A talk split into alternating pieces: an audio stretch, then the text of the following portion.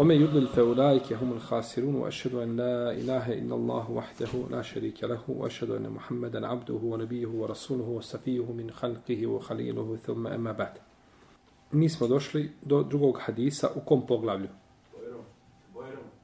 Bojrom. Slažete se? Slažete se li vam neko da je antiprotivan? Bojrom. Bajram. Znači, pogledaj, neko je džum, nekome je od, od, Znači, mi smo u poglavlju Bajrama. Drugi hadis kaže autor An al-Bara ibn Azim radijallahu anhuma قال خطبنا النبي صلى الله عليه وسلم يوم الأضحى بعد الصلاة فقال من صلى صلاتنا ونسك نسكنا فقد أصاب السنة فقد أصاب النسك ومن نسك قبل الصلاة فلا نسك له فقال أبو بردة ابن نيار خالو البراء بن عازب يا رسول الله إني نسكت شاتي قبل الصلاة وعرفت أن اليوم يوم أكل وشرب وأحببت أن تكون شاتي أول ما يذبح في بيتي فذبحت شاتي وتغديت قبل أن آتي الصلاة فقال شاتك شات لحم. قال يا رسول الله إن عندنا عناقا هي أحب إلي من شاتين أفتجزي عنا؟ قال نعم. ولن تجزي عن أحد بعدك Od Elbera ibn Aziba radijallahu ta'ala anuhuma se prenosi da je rekao držao nam je poslanik sa osaname hutbu na Bajram poslije namaza. Pa je rekao ko bude klanjao naš namaz i zakolje našu žrtvu njegova žrtva je ispravna. A ko je zakolje žrtvu prije namaza, nema žrtve nije prinio, znači kurban. Kaže Ebu Burdata ibn Nijar, koji je bio Dajđa Elbera ibn Aziva. Ja Rasulallah, o Allahu poslaniče, kaže, ja sam zaklao moju ovcu prije namaza. Znao sam, kaže, da je danas dan jela i pića, pa sam htio da u mojoj kući prvo, prvo što bude urađeno da se zakolje, znači, ta ovca ili da se zakolje, znači, ta žrtva. Pa sam zaklao moju ovcu i jeo prije nego što sam došao na namaz. Znači, doručak je bio već od kurbana. Pa je poslanik, sal sam rekao, tvoja ovca je e, ovca e, koju si prinio za meso. Jeli, žrtva, kao bilo koja druga žrtva. Nije to kurban. Kaže Allah poslaniče, ja imam kod kuće anakan. Anak je koza koja nije upotpunila godinu koza koja nije potpunila godinu. Pa je rekao, kaže, mogu li to zaklati? Kaže, možeš, ali neće vrijediti nikome nakon tebe. Možeš, ali neće vrijediti nikome nakon. Što se tiče Elbra ibn Aziba, o njemu smo govorili u poglavlju imameta. O njegovoj biografiji. Od njega prenosi skupina tabina, a i neki ashabi.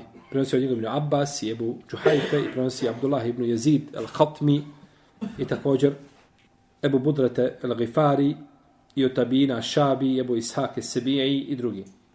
I ovaj hadis prenosi također Ibn Omer i prenosi ga Džabir, Ibn Abdillah i drugi kako spominje Ibn Mende u svome Mustahređu. Znači nije došao samo putem koga? El Vrajmu Aziba. Tako možemo znači porediti puteve hadisa i eventualne dodatke koji se navode znači u hadisima. Dajđa, ovaj Dajđa koji je spomenut ovdje, Ebu Burde, zove se Hani. Znači dajđa čiji? Al Bra ibn Aziba. Zove se Hani. Kako spominje autor u poglavlju a, u poglavlju izvršavanja šerijetskih kazni zbog konzumiranja alkohola. Do koga ćemo doći? Ako nas Allah azuđel poživi. Kako smo počeli, ne znamo kada ćemo stići dotle. Već dugo radimo, znači u knjigu, što ukazuje, braćo, da je znanje nešto široko i obimno. I kad sve ovo pređemo, ne smije se niko zavarati da kaže da sve ovo nauči što je čuo, na pamet, sve zna. Ne smije dići glave i da kaže ja sam nešto naučio. Ne smiješ kazati da sam nešto naučio. A šta onda kad nisi naučio od onoga što se govori osim malo? Jer je znanje puno više od toga. I zato da čovjek zna koliko ne zna, to je velika blagodat.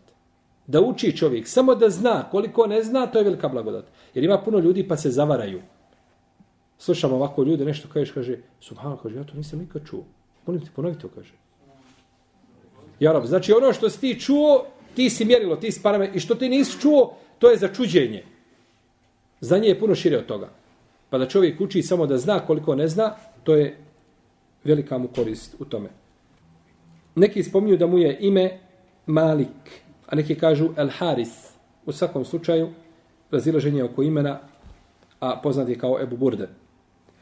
Spominje uh, Ibn Tahir u svome dijelu Idahu Iškjal da je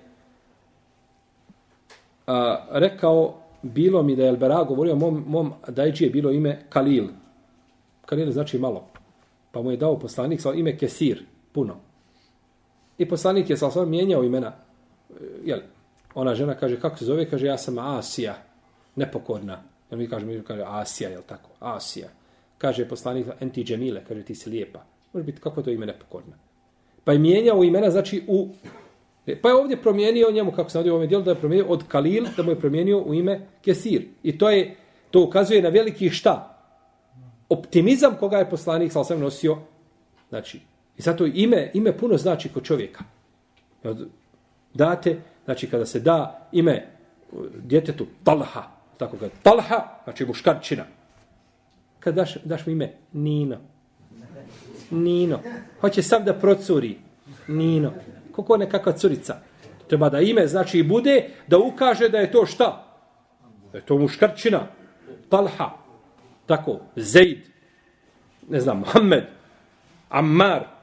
Mustafa, znači ukazuje da su to muška, a ne daš mu nekakvo ime, on se sad e, ovaj, napravio se od njega ono, ono, ono kinder jaje, tako. nego znači treba da bude ime takvo da, da, da ukazuje, da osti to da je to šta? Da to ime znači koje nosi u sebi značenje nekakvo lijepo, a ne nekakva imena izmišljati ovaj, koja su koja najmanje liče ovaj na jeli, imena koje bi trebala biti pri muslimanu. Dobro, potom je spomenuo ovaj hadis, Znači, i to je jedno od mišljenja. Pa ponekad imamo oko mišljenja ravija, imamo različita šta? E, mišljenja oko imena. Ali se ne razilaze oko nadimka i oko osobe, kao je Buhureyre. Ime, ime ovakvo ili ime onakvo, ali je bitno da se zna ko je Ebu Hureyre, poznat je po tome i šta je Ebu Hureyre uradio, tako da nekada ime nije ništa ni, je tako ni bitno. Što se tiče oca Ebu Burde, on je poznat da je bio Nijar, kako smo što rekli, rekli smo Ibn Nijar, je tako? I on je Ukbe uh, Ukbi Bedri, znači Akabi Bedri, Erhamukallah. On je bio, znači, Akabi, on je bio, znači, dao je prisegu na Akabi i učestvuje na na Akabi drugo, jeli, i učestvuje na Bedru, radijallahu ta'ala anhu. A njegova majka je Ummu Sad bintu Saide, prenosi od poslanika, sa osam, jedan hadis koga, ovaj, o, jeli, u jednom hadise spominje ovdje u, u, kod Buhari, jeli, u ovom Sahiju i kod muslima on prenosi znači jedan hadis od Buharije kod muslima a, znači a, a, mimo ovoga hadisa o kome ovdje je spomenut kao događaj, ali on nije čega ravija, šta? Nije ravija hadisa. Znači on prenosi samo jedan hadis od poslanika sa osam koji je kod Buharije kod muslima. U ome hadisu je dokaz da Bajram, kurbanski Bajram, da ima hutbu. I oko toga nema razilaženja među islamskim učenjacima. Da Bajram, znači namaz, ili kurbanski Bajram, da ima hutbu. I u njemu je dokaz da hutba biva prije ili posle namaza? Posle namaza. Jer je rekao, držao nam je hutbu poslije namaza. Tako kaže Elbra ibn Azib u ovoj predaj. Ovdje se kaže nusuk. Nusuk su obredi.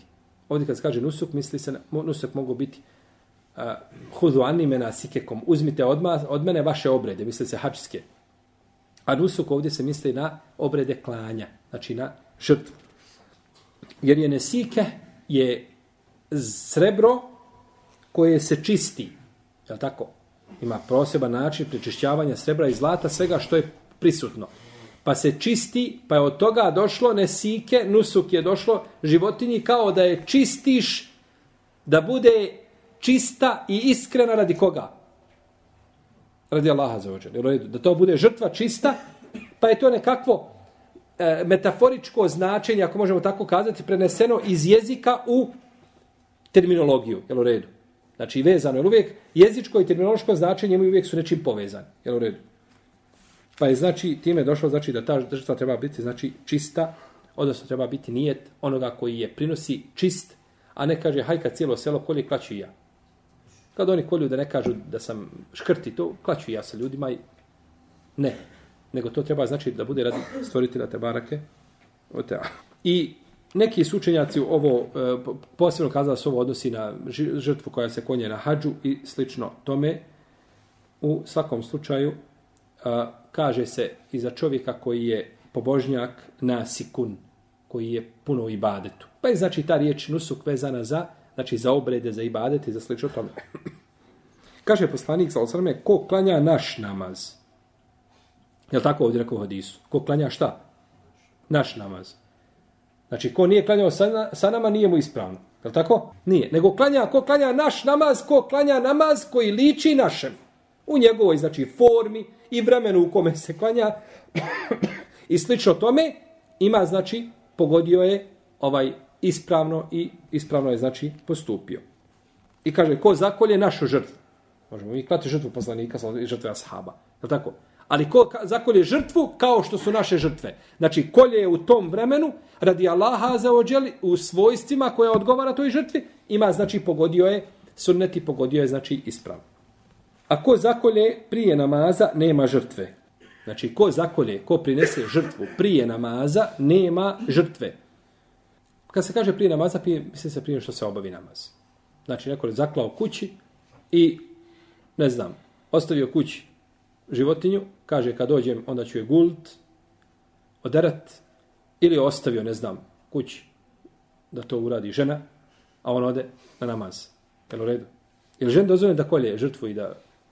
Je dozvoljena da žena zakolje ovcu? Jeste. Nema u tome nikakve smetje. Znači, žena može zaklati kao i muškarac. U tome nije problem.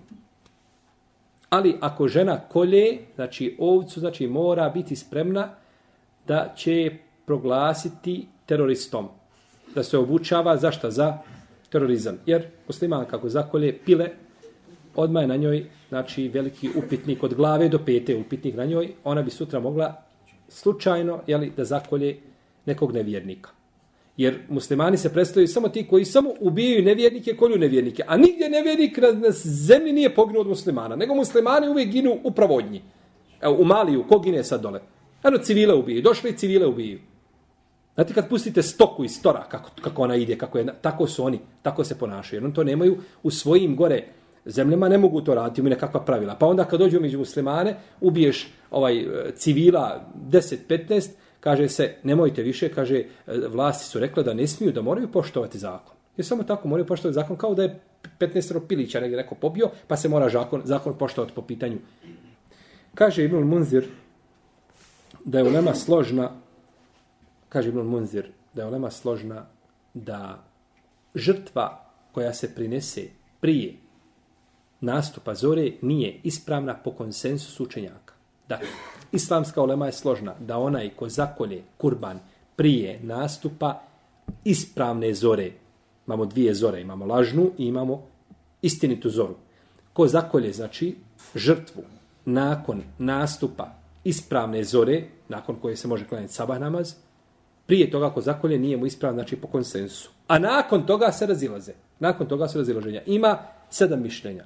Mi ćemo ispomenuti ovako, znači da vidite kako se Olema razliša oko tog pitanja. Kaže, imam Šafije i Davud od zahirijskih učenjaka da vrijeme nastupa a, nakon što iziđe sunce i održi se na, i klanja se namaz i hutva. A, ali oni ne uslovljavaju klanjanje, nego oni uslovljavaju da sunce iziđe i da prođe toliko vremena u kome bi se mogao obaviti namaz i održati šta? Hutba. Jel u redu? Iako nije obavljen namaz, bitno je da prođe koliko? Recimo po sahata. Jel u redu? Može biti namaz i lijepo i hutba za pola sahata. I to ulema ponekad, kao što, islam, kao što hanefijski učenjaci uslovljavaju, oni kažu tešehud nije ruk namaza. Tešehud. Ali je sjedenje na tešehudu, sjedenje, u tom, a, a, taj vremenski period koji treba da se prouči tešehud, on je rukn. Jel u redu? Pa kad bi čovjek sjedio samo i ne bi ništa učio, namaz bi mu bio šta? Ispravan. Ali kad bi samo sjeo, digao zuge sežda i preselamio, namaz mu je šta? Zašto? Zato što nije proveo taj vremenski period na sjedenju, koliko bi mu trebalo da prouči šta? Tešehud. Jel u redu? Ovdje je znači ista stvar. Ili slična. Sunce iziđe, jeste, ali ne možeš klati dok ne prođe vremenski period u kome bi se mogao obaviti namazi održati hudba. To je stavi mama Šafije i to je stavi mama Davuda. Rahimahumullah. Oni kažu, a, ako zakolje nakon ovoga vremena, ispravan mu je kurban, svejedno. Da li je imam klanjao ili nije? Svejedno. Da li je klanjao Bajram čovjek koji prinosi žrtvu kurban ili nije? Svejedno, da li je od stanovnika pustinja zabiti nekakvi udaljeni ili je od stanovnika znači urbani zona, znači gradova. Svejedno da li je putnik ili nije. Svejedno da li je imam zaklao ili nije, da li imam prinio žrtvu ili nije. I Ibnul Munzir je podržao ovo mišljenje.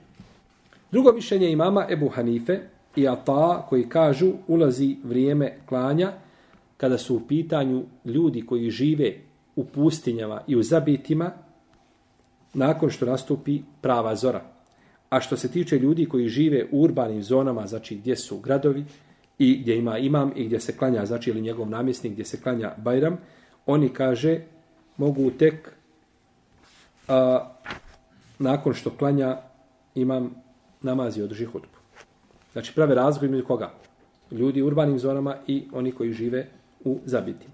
Kaže imam Malik, nije dozvoljeno osim nakon što klanja i što održi hutbu i što on zakolje. Mora prvo zaklati. Imam, misli se na koga? Na Efendiju, je li tako? Na Efendiju? Ne, na imama misli se na halifu ili njegovog namjesnika koji je znači tu, to je imam. Je tako? Jer imam je onaj koji predvodi ljude. E, od glagola emme je, je, je umu, što znači predvoditi ljude. Pa mi kažemo imam zato što predvodi ljude u namazu. Je tako? I predvodnik ljudi bi trebao biti šta? U svakom pogledu, je tako? Pa bi imam trebao biti šta? Predvodnik muslimana u svakom pogledu. Stoga imam se ne bi nikako smio naći na stadion. Da gleda utakmicu, u redu. To ne doliči imamu da on dođe na utakmicu i da navija i slično tome. Imam treba biti predvodnik ljudi u hajru i u dobru. A ne tamo gdje se ljudi gdje čine zabranjene stvari. Pogledajte u Egiptu, koliko je ljudi umrlo? Koliko je ljudi poginulo u Sad je 20 i nešto je poginulo zbog protesta, zbog onoga što je bilo. I koliko će još glava pasti zbog čega? Da bi, da bi ušla napuhana lopta u mrežu. To je, to je znači, pamet nečije neki muslimana kao lopta. Lako, unutra je prazna. Znači, kako ono, lopta napumpana, tako je njihova, njihov razum. Samo mu je, kako će ta lopta ući u mrežu? Ja dobro ušla ili ušla, živio, šta se je promijenilo u tvojom dunjalku i tvojom ahiretu? Ti navijaš, i tvoj tim pobjedio i gdje god dođu razvale, sve pobjedio. Reci mi, šta je to popravilo u tvome dunjalku i tvome ahiretu? Reci mi. Ništa. Da, da pobjede i da dobiju svaki dan ovaj po, po kravu zlatnu svaki onaj igrač, ti ništa nemaš. Nego on tebe koristi i tvoje navijanje i tvoj žar, on koristi i bogati se, a ti ostaneš tamo gdje sjediš i, i izvini na izrazu, rastu ti uši. Tebi uši rastu, a on se bogati. E tako je to svoje vrijeme upotrebi u nešto što će ti koristiti. Ako ne, ne mora biti za ahiret, za dunjalu, Ili tr, tiđa, trgovinu, kupuj, prodaj, gradi, širi se. Ako ne za ahiret, može za dunjalku, bilo što, da imaš nekako korist. A da čovjek sjedi da, da nekome drugom koristi, da ga neko rabi i, i ovaj i da bude nekome ovaj predmet preko koga će se bogatiti, to, to sebi musliman ne bi smio dozvoliti. Kaže imam Ahmed, nije dozvoljeno klati, klati prije namaza. A, znači imama. A dozvoljeno je poslije, prije nego što imam zakolje. Znači, kod imama Ahmeda je bitan šta? Bitan je namaz. On je taj, znači, ovaj parametar. I nema razlike između ovdje između ljudi u urbanim zonama i ljudi koji žive po zabitima i pustinjama i slično tome. I ovo je rekao isto Hasan al-Basri, Euzaji, Ishak ibn Rahavoj i drugi.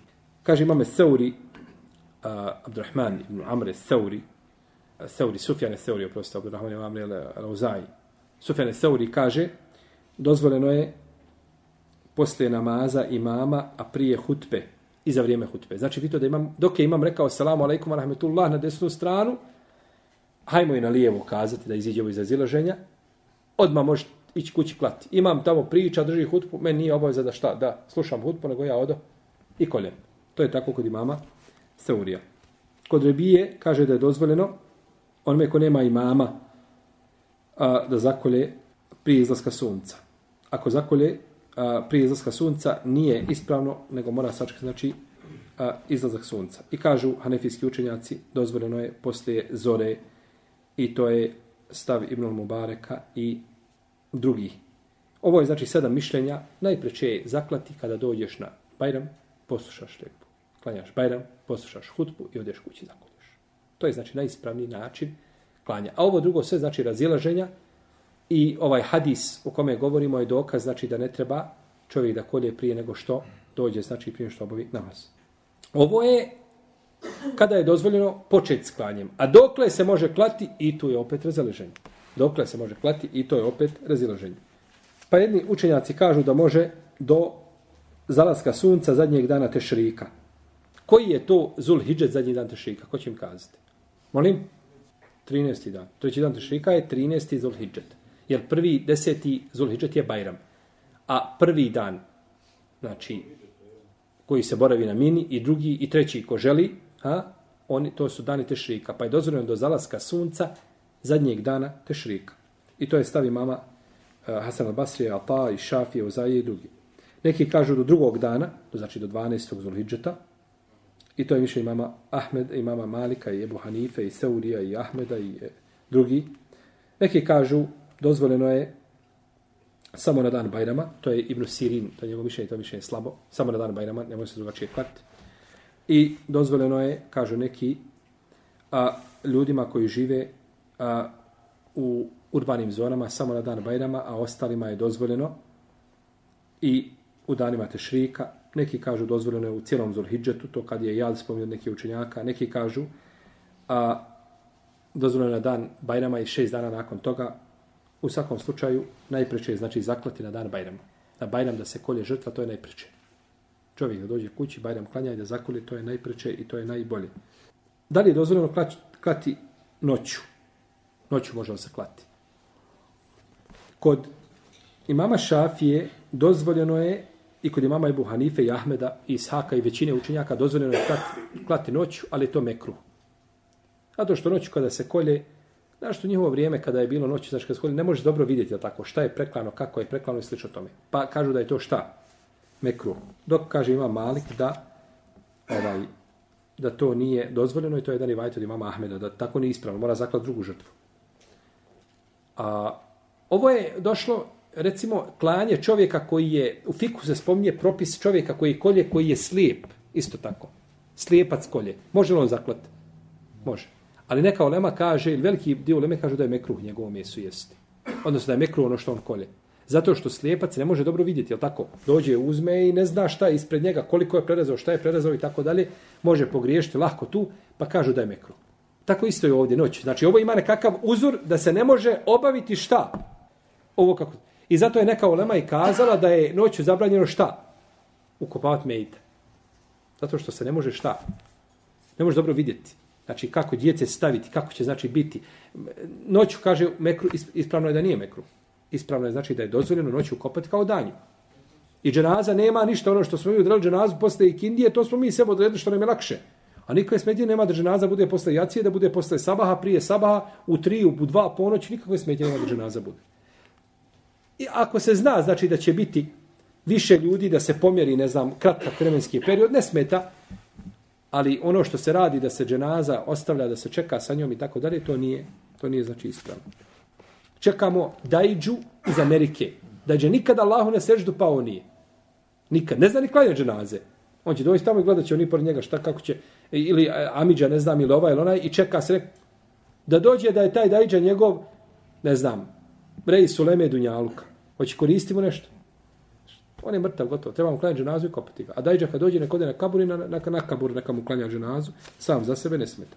Pa je, kažu, po noći nije dobro, neki učinjac pravi razliku između kurbana i onoga što se kolje na Bajramu, e, na, na, na hađu, između Hedija i Udhije, kao što je prenosio od Ešheba, malikijskih učenjaka. Kažemo, znači, najpriče to uradi posle namaza. Kaže, tvoja ovca je ovca koja je e, uh, zaklana radi mesa. Znači, od nje imaš samo šta? Meso. Nije to, znači, nije to kurban. kaže, u drugom spredaju, kaže, to je meso koje je zaklao svojoj porodici. Koje je zaklao svojoj porodici. Dobro, ovdje ima jedna bitna stvar, to je da čovjek kada radi ne izvrši obavezu. Znači, ili čovjek koji uradi zabranjenu stvar iz neznanja i koji ne izvrši naređenu stvar iz neznanja. Je to isto? Jedan ostavio naređenu stvar iz neznanja, nije izvršio, a drugi uradio zabranjenu stvar iz neznanja. Jesu li im dvojica isti ili jedan ima teži, ili, ili je postupak jednog od njih dvojice teži, opasniji? Hm? Ovaj, ovaj čovjek nije izvršio naređeno, je li tako?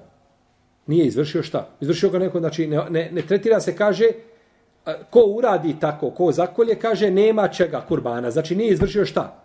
Naređeno. Šta je opasnije izvršiti, e, ostaviti da se izvrši naređeno, čin zabranjeno? Opasnije ostaviti naređeno. To je u šarijetu. Nemojte sad, nemojte sad mjeriti između, između teškog grijeha. E, ovaj čovjek, recimo, ne znam, e, ostavio je, ne znam, određenu stvar koja je vađib da je učini, a vam otišao učinio nekakve harame koji dolaze od stepena kufra ili blizu. Nemojte to. Nego isti stepen. Kad uzmemo isti stepen, veći grijeh je da čovjek ne čini naređeno. Jer čovjek koji ne čini naređeno, ovaj, on je ohol. Za razliku čovjeka koji učini zabranjeno, može li ga njegova duša navesti težnja ka tome? Da, da uzme kamatu radi zarade nekakve, ali tako da uradi, ne znam, pa prohtjevi njegovi pa u pitanju nemorali, slično tome, može ga duša navesti. Ali kad neće da čini naređeno, to je šta u pitanju? Oholost, odbija to. Odbija Allahova naređenja. I zato pogledajte naredbu še, šeitanov grijeh koji je počinio, je bio šta? Odbijanje čega? Naređenog. A šta je, šta je učinio Adem a.s. Šta je učinio? Je li odbio naređeno ili je učinio zabranjeno? Učinio zabranjeno. Jeste vidjeli razliku? Kako je jednog te oba bila primljena i pokajao se i, pre, i nastavio dalje, a drugi se nije pokajao ili bio ohol. Pa je oholost bela u tom pogledu odbijanje. Pa znači postoji razlika između šta dvije? Dvije stvari. Postoji razlika između dvije stvari, jeste. Dobro, ovaj čovjek nije ovdje šta uradio? Naređeno. Pogledajte Muavija ibn Hakema Esulemija. Sulemija, koji je došao u namazu, klanjao i kihnuo i rekao Alhamdulillah. Pa su, kaže, ljudi počeli udarati svojim dlanovima o stegna. Kaže, ušutkavaju me. Ju sam mi tuneni, ušutkavaju me. Kaže, pa sam rekao, teško mi se, šta je? Pa sam, kaže, ušutao. Pa ga poslanik sam nije prekorio. Učinio je šta? Iznenanja šta? Šta je učinio? Zabranjeno, prijestup, ne se pričati u namazu. Pa je pitao šta je, kaže, što mi, što mi, kaže, što me gledate tako? A nekad je bilo u prvo vrijeme islama je bilo dozvoljeno šta pričati u namazu. Pa je došla zabrana, ali on nije znao za nezabranu. Pa sahabi znaju, pa udaraju. Šute Allahov robe. A on ne zna šta je. Kako pa do juče smo pričali, dođeš pored u čovjek, selam alaikum, koji je rekao treći dobro. I klanjaš pored njega. Mogao ga pitati, šta je, bilo dozvoljeno pričati. Pa je došla zabrana, ali on nije znao da je došla zabrana. Jel u redu? I da je došla zabrana, pa je progovorio. Pa sam, kaže, ušitao. Pa kad je završio namaz, kaže poslanik, ovo je, kaže, namaz. U njemu je, kaže, zikr i učenje Kur'ana i tespi. Kaže, nije dozvoljeno ništa od ljudskog govora. Kaže, nisam vidio u profesora Mualima, kaže, boljeg ovaj, od poslanika sam. Nije me prekorio, nije me udario, nije na mene zagalamio, nego mi je, kaže, rekao tako i tako lijepo me upozorio. Pa mu je prešao preko greške zato što je u namazu iz zdanja učinio šta? Zabranjeno. A ovaj ovdje čovjek, je on učinio ovaj, je on učinio, eh, uh, je li ostavio naređeno? Jeste, nije ga učinio. Je on učinio zabranjeno? Ja, jeste pitanje teško je. Jel da? Ma nije učinio zabranjeno, on je zaklao ovcu u to vremenu, ali mu neće biti tretirana kao šta? Nego idi kolj još jednu. Nije učinio zabranjeno.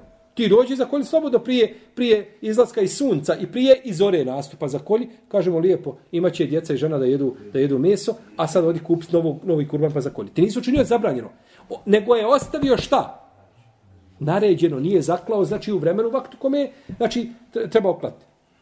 Pa mu kaže ovaj, ovaj, pa je, znači njegov opravdanje, znači nije u tom slučaju primljeno, već je dozvolio, znači to samo, jeli njemu kako ćemo dojiti do toga.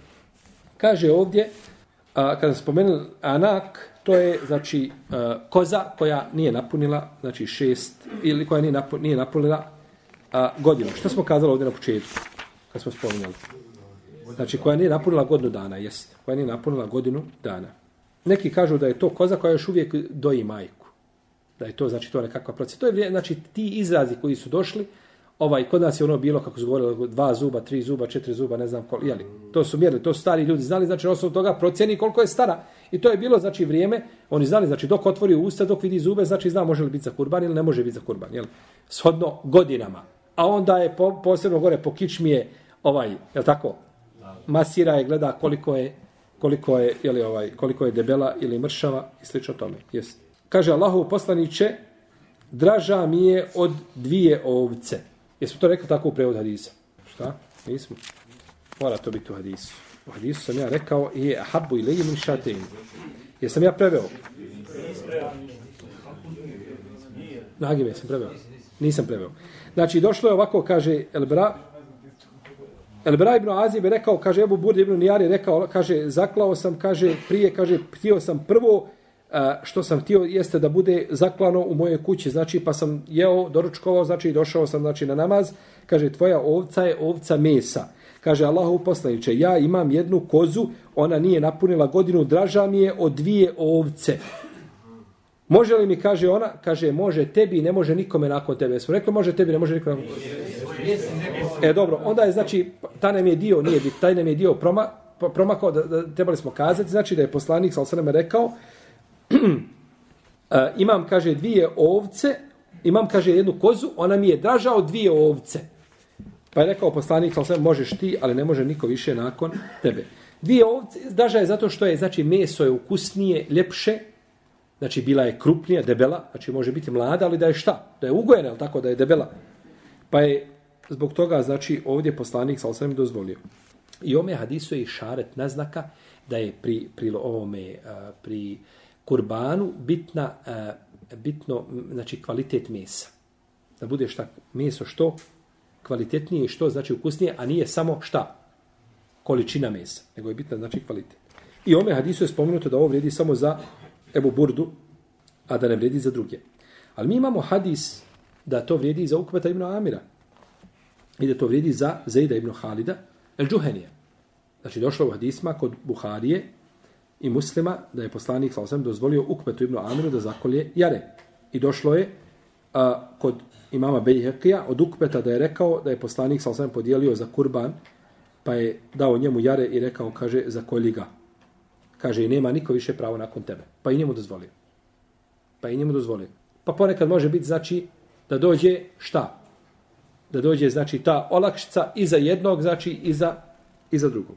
Kaže Imam El Bejhaqi, ako je ovo u hadisu, ovaj dio što je ovdje spomenut, ako je on ispravan, to jeste da se radi da je za kurban, kaže onda je ova olakšica i jednom i drugom. I tako sam isto za Zejda ibn Halida, da je poslanik, sa osam dozvolio mu, znači da zakolje jare. Kaže Imam El Fakihi, treba, kaže, pogledati zašto je dozvolio samo Ebu Burdi. Kaže, treba to ispitati zašto je njemu dozvolio, a nije drugima. Imam El Mawardi je veliki šafijski učenjak koji je umro 450. iđeske godine, on je odgovorio na to pitanje. Jeli, po svome viđenju i čtihadu, kaže, prvo kaže, dozvolimo je zato što još uvijek tada nisu bili propisi objavljeni. Tada kada je on to uradio, kaže, nije propis bio objavljen, nego je nakon toga došao u tom negdje među vremenu, pa mu je rekao, tebi može, ali drugima nakon tebe ne može, ali je sad došao šta novi propis koji vi niste znali. To je jedno. Eh, jedna stvar i kaže druga stvar zato što je poznavao kaže njegov ihlas i njegovu bogobojaznost. Ili kažem poznavao njegov ihlas možda putem objave i slično tome ne može poslanik sa osam zaviriti u čije srce tako? Pa zbog njegove velike bogobojaznosti i iskrenosti da je ovaj imao pravo ono što nemaju jeli drugi. Imam Euzaija je rekao da može biti za kurban ova e, jare koje nije napunilo godinu dana, e, i da može biti čak jare koji ima šest mjeseci, oprostite, šest mjeseci koje je napunilo, sedam mimo toga može biti.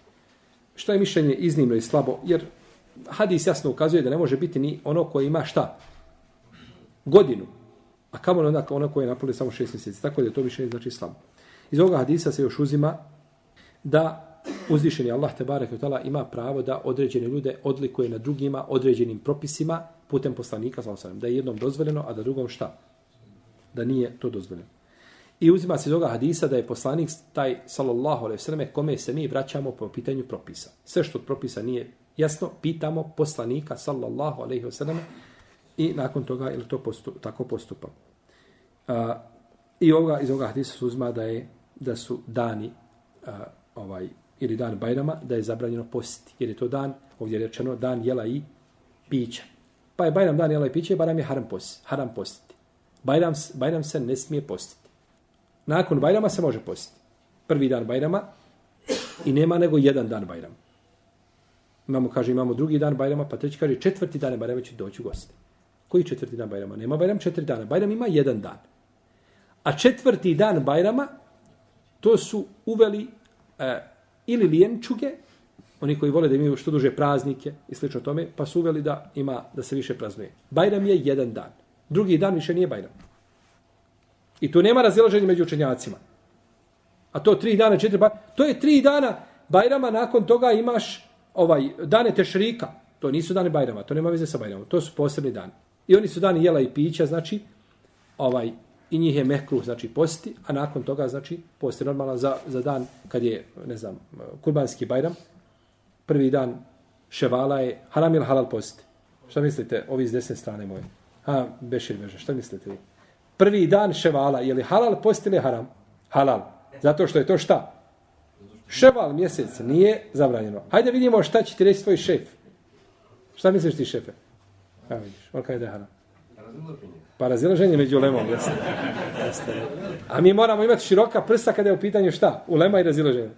Prvi dan ševala je Bajram. Prvi dan ševala je Bajram. Pa ga je zabranjeno šta? Post, jes. Jer ovdje se kaže dan jela i pića, pa znači to ne treba jeli post.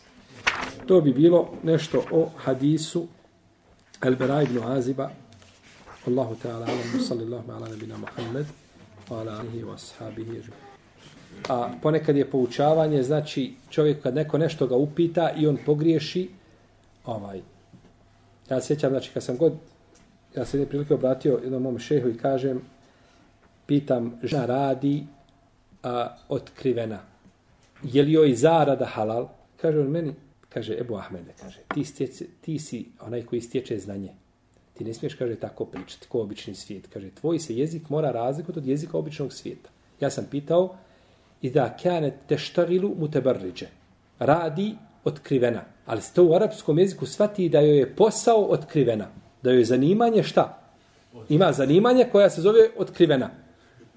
Ne, nego kaže, reci radi, a ona otkrivena. I nakon toga nikad više nisam pogriješio. Znači, jer kad ti učiniš grešku i neko te popravi, onda ti ta greška ostane šta? a možeš ovako da popraviš drugog 30 puta. Koliko je, neko, koliko je ljudi popravljeno pred vama? Jeste zapamtili sve to? Ali ti kada si popravljen, je zapamtio, znači nevinost to zapamtio. Pa je cilj znači od toga samo znači da se, da se poučimo. jeste. Žena koja radi otkrivena, žena došla i radi otkrivena u tvornici čarapa, u tvornici plastike, nečega što je halal. Pare koje zaradi, te pare su halal. A ona je, ona je griješna što je izišla tako. Znači nije njena zarada nije haram. Zato što ona radi halal posao. Ali je griješna zato što je izišla šta? Pa nije vezano za zaradu, znači. Nije vezano za njeni meta koji ona zarađuje način, kako je, nego je vezano za neku spoljašnju silu, a to je šta? To što je otkrivena. Što je, pa nije vezano za zaradu njemu, jeste. Ali čovjek radi i prodaje alkohol. A žena radi druga pokrivena, prodaje alkohol. Pokrivena i prodaje alkohol. Je li joj haram zarada? Nije isto oba dvoje. To je razlika. To hoću da, do toga hoću da dođemo. Ona kada prodaje alkohol, je li tada paru koju uzima, je li direktno vezana zarada za zaharam? Direktno. A ovamo kada zarađuje, je li zarada veđana za haram? Nije, ona radi. Radi svoj posao, ono što treba, samo što je ona došla šta? Hajmo ovako kazati, hajmo drugačije pričati. Hajmo drugačije. Došla žena pokrivena na radno mjesto. I sve ovaj, ovaj, došla je znači, radno mjesto pokrivena i tu ima muškaraca prolaze pored nje i radi halal posao. Prođu nekad muškarci tu da pored i namiriše se. Je haram zarada? Nije. A, ona je došla, ovi, ima ovi, ovi bi samo rezali ovaj sablju i uzduž. Polako, lahovi robovi. Znači, znači, žena koja radi, znači, I nije haram vezan direktno za šta? Za posao. Njena zarada je kao zarada halal. Ali ona griješna što je šta? Ovako ćemo. Hajmo ovako. Ja otišao kod Bešira. Otišao kod njega u biro, sjedim kod njega i vidim dobru jaknu. Ima on kožnu jaknu. I on se okrene, ja kožnu jaknu kradem i napolje. I dođem ovdje u džamiju, bučem kožnu jaknu i kažem Allahu ekvar, da klanjam Allahu dva rekiata duha namaza. Da se zahvalim što sam do, dobio kožnu jaknu dobro. Allahu ekvar i klanjam dva rekiata namaza. Je li moj namaz ispravan ili pokvaren? Ispravan. I imao sam abdest, E, šartovi namaza, rukno se, namaz ispravan. A jesam li ja griješan što sam ukrao jaknu? Jes. Jel u redu? Ja sam griješan? Dobro. u redu, lijepo. Znači, uzeo si kaput ukraden ili si došao nekoga istirao iz kuće. Kažeš mu, znaš šta je, imaš pet minuta, pokupi se, izađi iz kuće, ovo je, ovo je sad moje. Ko što Srbi radili. I čovjek iziđe i ti klanjaš u njegovoj kući, a ti je oteo. Jel ti namaz ispravan? Jeste, jer tvoj namaz, to što si ti oteo nečiji metak, to nije vezano za šta? Za namaz. Ali ti došao da klanjaš i ispred tebe se džada, na njoj ne džaset i ti klanjaš. Je to sad vezano za namaz? Jeste. To je vezano za šartove namaza. Razumijete gdje je razlika? Znači moramo razlikovati da ne bismo požurili, jer najlakše je sjediti ko te go šta upitaješ, haram, boj se Allaha, u džahennem ćeš. Ne smiješ tako. Ne, treba razlikovati. Pa kad joj kažeš tvoja zarada je halal, ali tebi je haram što izlaziš takva i ti si kod Allaha prokleta, e onda ona kaže, u redu, znači moj posao je halal, ali ja se trebam pokriti. Pokriti se onda na posao, alhamdulillah, tako može. Jel u redu? Učitelji po islamu zaslužuju veliko poštivanje. Vrijedi li to isto za učitelja koji imaju nešto protiv islama i svoju mržnju prema učenjaku? Učenjaku ispoljavaju. Vrijedi poštivanje. Pazite, poštivanje je jedno, ljubav je drugo. Poštivanje je da prema nekome se lijepo ophodiš svejedno volio ga ili ga mrzio. Pazite. A ljubav je da ga poštivaš i voliš ga. Pa ćeš ti poštivati komšiju nemuslimana, a ćeš ga voljeti. Čovjek nepokoran Allahu, vrijeđa muslimane. Ja te mogu poštivati tvoj odnos da bude ljudski prema tebi. Tako znači da odnos bude lijep prema tome, čak i da on vrijeđa nekoga, ne smeta. Znači treba biti odnos, treba biti lijep, a to hoćeš li ga voljeti ili nećeš to ostaje, to je vezano za tvoje srce. Pa poštivanje nije vezano za šta? Za ljubav. Nema ništa sa ljubavlju, je tako? Gdje smo shvatili ovu razliku? Gdje je razlika? Znači nešto da bi bilo vezano, moramo znači znati znači da li je stvar vezana za, za, za, za i ovo je poznato pravilo kod islamskih učenjaka, oni kažu da li zabrana određene stvari uslovljava znači a, a, a, a, negiranje njene validnosti. I o tome se, znači, puno islamski učenjaci su raspravljali, znači, i govorili. Ispravno, znači, ovo što su vam kazali, znači, da, da stvar da bi bila zabranjena mora, znači, biti šta? Mora biti, znači, vezana, znači, mora biti na, na ovakav način. Pazite, kada dođemo do pitanja, znači, koja su, u kojima su zabrane, moramo, znači, gledati ta zabrana, jel se tiče direktno čega? Propisa ili je ona vanjska sila? Pa i metak ponekad može biti haram sam po sebi, a može biti haram zbog spolješnje sile. Bilo u redu. I meta koji je haram sam po sebi. Koji je to i meta, Ko će mi kazati? Sam po sebi. Kamata. Nije kamata. I meta koji je haram sam po sebi je svinsko meso. Svinja. Ona ne može biti nikako halal. Ne možeš od nje napraviti ovcu nikako. Halal što je haram i metak sam po sebi je alkohol. Osim ako se pretoči u nešto, to je drugo. Haram i metak sam po sebi je znači ono što je samo po sebi haram i ostaje haram. Kamata nije, braćo, kamata je spoljaša sila. Jer ti čovjek otišao, uzeo 500 eura iz kamatne banke i došao i ja radio kod njega kuću, ja mu fasadirao kuću, ne znam, fasade radio, šta sam već radio, nije bitno. I on im plati s ti 500 eura što uzeo kamatu. Ja sam ja grešan. Ti 500 eura, znači one nisu haram, one su halal. Samo ima jedna spoljašnja sila koja djeluje na njih i u tom momentu bivaju haram. Dok pređu sa ruke u ruku, one su halal. Dobro, pređe svinja iz ruke stojana u mujnu. Je li halal? Ne može biti. Je u redu? A 500 eura od kamate je prešlo, je li halal? Jeste vidjeli? Zato što je svinja haram po sebi i ne može biti halal, a kamata nije halal, haram po sebi, nego je zbog spolješne sile. U redu. Ja otišao, uzeo 500 eura, ovaj, ne znam, u kamatu banku. I otišao tamo, on meni dali 500 eura i zapisali kamatu. Je to haram? Je li uzimate pare haram? Meni. Jeste.